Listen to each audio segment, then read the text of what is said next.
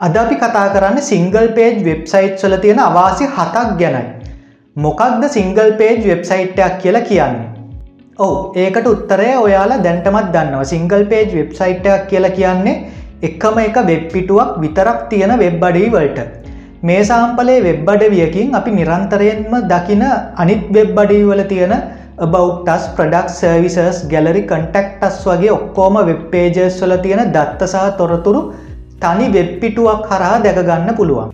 මල්ටිපේජ් වෙබ්සයිටස් එහෙමත් නැත්නම් වෙබ්පිටු ගොඩාක් තියෙන වෙබ් අඩවි තමයි ඇත අතීතයේ ඉදලම දකින්න තිබ්බේ. හැබැයි දෙදස් ධාතුන දාතර පහළව දාසය වගේ කාලවල් වෙනකොට සිංගල් පේජ් වෙබ්සයිටස් ගැන ගොඩක් UI ඩිසයිනර්ස් ලගේ අවධානය යමුණා. ඒත් එක්කම සිංගල් පේජ් වෙබ්සයිට් වලින් ට්‍රෙන්ඩ් එකක් එන්න ගත්තා. මේ කාලේ මල්ටිපේජ් වෙබ්සයිට්ස් වලට සාපේක්ෂව සිංගල් පේජ් වෙබ්සයිට්ස් වල එක්තරාකාරයක වැඩිවීමක් දකින්න තිබුණා. නමුත් කාලයක් යනකොට UI ඩිසයිනර්ස් ලට UX ඩිසයිනර්ස් ලට QA ඉංජිනියර්ස් ලට වගේම SEO ඇනලිස් කරනයටත් තේරෙන්න පටන්ගත්ත සිංගල් පේජ් වෙබ්සයිටස් නිර්මාණය කිරීම ප්‍රායෝගික නෑ කියලා. ඒ නිසා මේ ට්‍රෙන්ඩ් එක ටිකෙන් ටික අඩුවේගෙන ගිය හැබැයි අදටත් සිංගල් පේජ් වෙබ්සයිටස් දකින්න තියෙනවා හැබැයි සාපේක්ෂ වශයෙන් අඩුයි ඉතින් දැන් අපි බලමු සිංගල් පේජ් වෙබ්සයිට් වල තියෙන අවාසි මොනවද කියලා. එක සැලසුම් කිරීමේ අපහසුව. සිංගල් පේජ් වෙබ්සයිට් එකක් ඩිසයින් කරනකොට අපිට තියෙන ලොකුම අභියෝගය තමයි UX එහෙමත් නැත්නම් යස එක්ස්පිරියන්ස් කියන දේ. එතකොට යස එක්ස්පිරියන්ස් කියන දේ සැලකිල්ලට අරගෙන වෙබ්සයිට් එක ඩිසයින් කරන්න කොහොමද කියන ඒ අභියෝගය තියෙනවා මොකද සිංගල් පේජ් වෙබ්සයිට් එකක් කියලා කියන්න GB පණහක විතර ෆයිල් සයිස් එකක් තියෙන ෆයිල් කන්දරාවක් GB දහයක විතර පෙන්ඩ්‍රයිව් එකක් අස්සට ඔබන්න හදනෝ වගේ වැඩ. සිංගල් පේජ් වෙබ්සයිට් එකක තනි වෙබ්පිටුවක් විතරක් තිබ්බත් මල්ටිපේජ් වෙබ්සයිට් එකක තියෙන හැම වෙබ්පේජ් එකකම අපිදාන දත්තසාහ තොරතුරු ඒ තනි වෙබ්පිටුවේ ප්‍රදර්ශනය කරන්න වෙනවා. එහෙම කරන්න නම් අපිට හොද පැහැදිලි සැලසුමක් තියෙන්න්න ඕන. ඒවගේම වැදගත් සහ අත්‍යවශ්‍ය තොරතුරු විතරක් ඇතුළත් කරන්නත් වග බලාගන්න ඕන. හැමතිස්සෙම සිංගල් පේජ් වෙබ්සයිට් එකට පිවිසෙන යසර්ස්ලා වෙබ්පේජ් එක ස්ක්‍රෝල් කරනකොට එයාලට තේරෙන් ඕන එයාලා යම ගවේශණය කරනවා හෙමත් නැත්නම් යම් ගමනක නියලිලා ඉන්නව වගේ හැඟීමක්. මොකද මේ සංකල්පයේදී සීමාමකුත් නෑ මේක හරියට ස්ටෝරි ලයින් එකක් ඒමත් නැත්නම් ගලායෑමක් වගේ දෙයක්. ඒ නිසා UI ඩිසයිනර්ස්ලට සිද්ධ වෙනවා about us product services gallery contact us වගේ තියෙන හැම සෙක්ෂන් එකක්ම හරියට පැහැදිලිවසා ක්‍රමාණුකූලව මේ තනිවෙබ්පිටු ඇතුළේ සැලසුම් කරන්න. තනිවෙබ්පිටුවේ තොරතුරු විශාල ප්‍රමාණයක් බලාගෙන යනකොට යස නැත්නම් පරිශීලකය බැරි වෙලාවත් කන්ටෙන්ට් ගොඩේ අතරමං වුණොත් එහෙමත් නැත්නම් ව්‍යාකූල වුණොත් එහෙමත් නැත්නම් එක සෙක්ෂන් එකකින් තවත් සෙක්ෂන් එකක් වෙන් කල් අදුරගන්න බැරි වුණොත් ඔහු හෝ ඇය වෙබ්සයිට් එකෙන් එලියට යෑමේ සම්භාවිතාවය තියෙනවා. දෙක වෙබ්පිටුවේ උස. සිංගල් පේජ් වෙබ්සයිට් එකක තියෙන ප්‍රධානතම අවාසිය තමයි වෙබ්පිටුවේ උස. නැත්නම් වෙබ්පේජ් හයිට් එක. මොකද සිංගල් පේජ් එකකට සීමාවෙන නිසා තනි වෙබ්පේජ් එකක හැම දත්තයක් තොරතුරක්ම ඇතුළත් කරන්න වෙනවා. එතකොට කන්ටෙන්් ගොඩාක් තියෙනවා. ඉතින් අනිවාරයම වෙබ්පේජ් එක උස වැඩි වෙනවා. ඒ කියන්නේ යසර්ස් ලට අමතර වෙහෙසක් කරගෙන වෙබ්පේජ් එක පතුලට ස්ක්‍රෝල් කරගෙන යන්න වෙනවා. එතකොට ටැබ්සා මොබයිල් ෆෝන්ස් වලින් වගේ බලනකොට මේ තත්ත්වය ගොඩක් භයානකයි. මොකද ලැප්ටොප් එකක්සා ඩෙස්ටොප් එකක තිරයේ පලල නිසා අඩුම තරම කන්ටෙන්ට් කිහිපයක් එකවර කියවගන්න පුළුවන් වුණත් ටැබ්සා මොබයිල් ෆෝන්ස් වල ස්ක්‍රීන් විත් එක නැත්නම් තිරයේ පලල බොහොම පුංචි නිසා පරිශීලකන්ට ගොඩාක් පාලට ස්ක්‍රෝල් කරන්න වෙනවා. උදාහරණයක් විදිට ඩෙස්ටොප් එකේ වෙබ්පේජ් එක ස්ක්‍රෝල් කරන්න තත්පර දහයක් යනවනම් මොබයිල් ෆෝන් එක පේජ් එක ස්ක්‍රෝල් කරන්න තත්පර තිහක් ගත වෙන්න පුළුවන්. තුන කන්ටෙන්ට් වැඩිවීම. සිංගල් පේජ් වෙබ්සයිට්සල කන්ටෙන්ට් වැඩවීම නිසා පරිශීලකයින් සමාරක් විට හෙම්බත් වෙන්න පුළුවන් මොකද පරිශීලකයින්ට වැඩිදත්තසා තොරතුර ප්‍රමාණයක් එකවර කියවන්න වෙන නිසා. ඒ නිසා සමහරක් පරිශීලකයින් වෙබ් අඩවියේ තියෙන සමස්ත අන්තර්ගතය ගැන ෂණිකව අදහසක් කරගන්න නැතිවෙන්න පුළුවන්. එවගේම තමන්ට අවශ්‍ය කරන තොරතුරු එහෙමනැත්නං තොරතුර සොයාගන්න යම් කාලයක් වැය කරන්න සිද්ධ වෙන්න පුළුවන්. උදාහරණයක් ගම් හිතන්න පරිශීලකයෙක්ට අවශ්‍යයි යම් නිෂ්පාදනයක තොරතුරත් දැනගන්න. මේ පරිශීලකයා වෙබ් අඩවියට එන්නේ අදාළ නිෂ්පාදනය නම දැනගෙන. එතකොට වෙබ් අඩවේ මල්ටිපේජ් වෙබ්සයිට් එකක් වුණානම් ඒක එයා මුලින්ම හෝම් පේජ් එකට එනවා ඇවිල්ල ප්‍රඩක්් පේජ් එකට යනවා හැබැයි සිංගල් පේජ් වෙබ්සයිට් එකකදී පරිශීලකයට සිද්ධ වෙනවා එයාට අවශ්‍ය නැති දත්තසා තොරතුරු අතරින් එයාට අවශ්‍ය තොරතුර තෝරගන්න. හදිසි අවශ්‍යතාවයක ඉන්න පරිශීලකයෙක් නම් එය අනිවාරයෙන් වෙබ් අඩවියෙන් ඉවත්වෙලා යනවා. ඒවගේම ඉන්ටනෙට් ඩේට ගැන සැලකිලිමත් වෙන කෙනෙක් නම් ඒත් මේ වෙබ් අඩවියෙන් ඉවත්වෙලා යෑමේ සම්භාවිතාවයක් තියෙනවා. හතර ලෝඩිං ටයිම් එක වැඩිවීම. සිංගල් පේජ් වෙබ්සයිට් එක අන්තර්ගතයේ විශාල පින්තූරුසා වීඩියෝ ප්‍රමාණයක් තියෙනවනම් සමස්ත වෙබ්පිටුවම සම්පූර්ණයෙන්ම ලෝඩ් වෙන්න සැලකිය යුතු තත්පරගානක් වැෑවෙන්න පුළුවන්. විශේෂයෙන්ම බොහොම අඩු ඉන්ටනෙස් ස්පීඩ් එකක් තියෙන අයට තවත් විශාල කාලයක් බලාගෙන ඉන්න වෙනවා.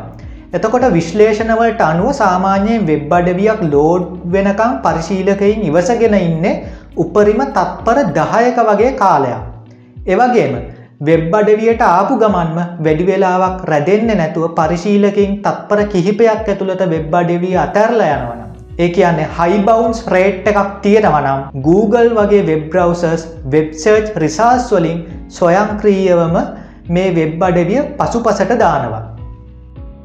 පහ විශේෂිත තොරතුරක් ෂයා කිරීමේ නොහැකියාව.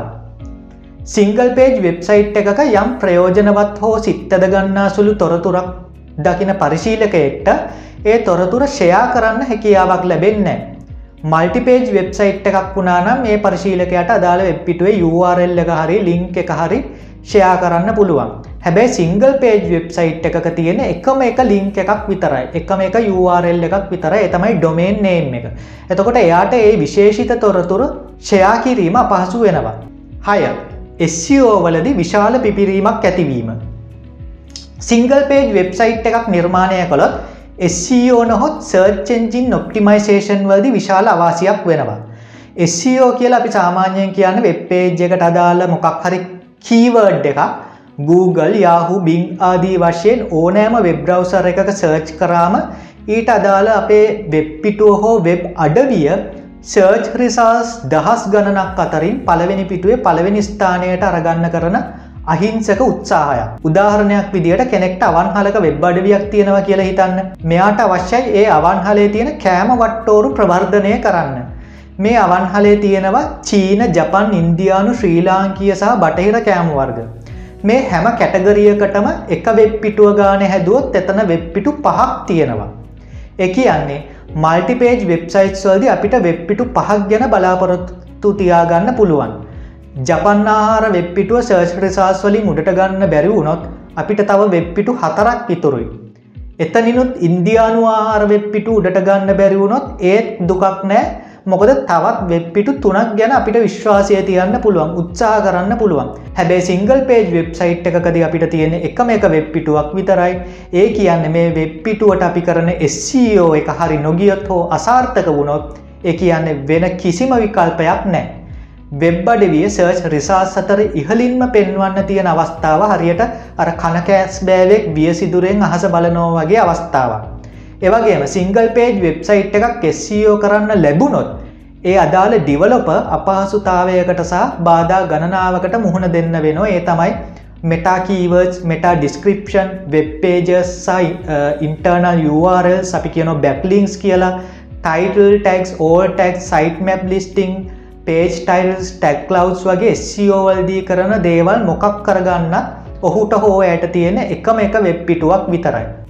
හත අසාර්ථක විශ්ලේෂණ වාර්තාව. සිංගල් පේජ් වෙබ්සයිට් එකක් නිර්මාණය කරනවනම් ඒ වෙබ් අඩවියට යන එන පරිශීලකයන් ගැනසා එයාලගේ හැසිරීම් ගැන සවිස්තරාත්මකව දත්තසා තොරතුරු වාර්තාවක් ඒ කියන Google ඇනලටික්ස් වගේ රිපෝට් එකක් අපිට ලබාගන්න වෙන්නේ නෑ. මොකද පරිශීලකයින්ට පරිශීලනය කරන්න ලැබෙන තනි වෙබ්පිටුවක් විතරයි එතනින් එහාට එයාලට පිවිසෙන්න්න වෙන වෙබ්පිටු නෑ ඒ නිසා පරිශීලකින් තනි වෙබ්පිටු ඇතුළේ මොන මොන දේවල් ගැන අවධානය යොමු කරනවද අධ්‍යයනය කරනවද කියලා වාර්තා වෙන්නේ. ඒක වෙබ් අඩවිය SCO වලදී සහ SCO සම්බන්ධයෙන් තීන්දු තීරණ ගන්නකොට ප්‍රධාන අවාසියක් වෙනවා. ඉතින් මං හිතනව ඔයාලට අද වැඩසටානයෙන් මොකක් හෝ දැනුමක් ලැබෙන්න ඇති කියලා ඒවගේම විශේෂ මතක් කිරීම් කිහිපයක් කරන්න තියෙනවා. සර්ච්චෙන්ජින් ඔප්ටිමයිසේෂන් ගැන මල්ලියපු සවිස්තරාත්මකව ලිපියක්. ඔයාලට ඩිස්ක්‍රපෂන් එකේ තියෙනවා. ඒක ලිංක කහරා කියවන්න පුළුවන්. ඒවගේම මගේ ටෙක්නිකල් බ්ලොග් එක නැත්නම් තාක්ෂණික බ්ලොග් අඩවිය ලිංක එකත් ඔන්න ඩිස්ක්‍රපෂන් එකේ දාලා තියෙනවා. ඒවගේම මං ඊලනින් ඩොට්ටක ආයතනයත් එක්ක එකතු වෙලා කරපු සිංහල මාධ්‍යයෙන් ගෙනන ඉතාමත් සවිස්තරාත්මක රස්පොන්සිව් වෙබ් ඩියලපින් විත් CSS පාටමාලාවටත් ඔයාලට සම්බන්ධ වෙන්න පුළුවන්. ඒක ලිංක එකක් ඩිස්ක්‍රප්ෂන් එක තියෙනවා. පළවෙනි පාඩම් පහ නොමිලේ බලන්න පුළුවන්. ඒවගේම චීයට දහයක වට්ටමක් ලැබෙනවා.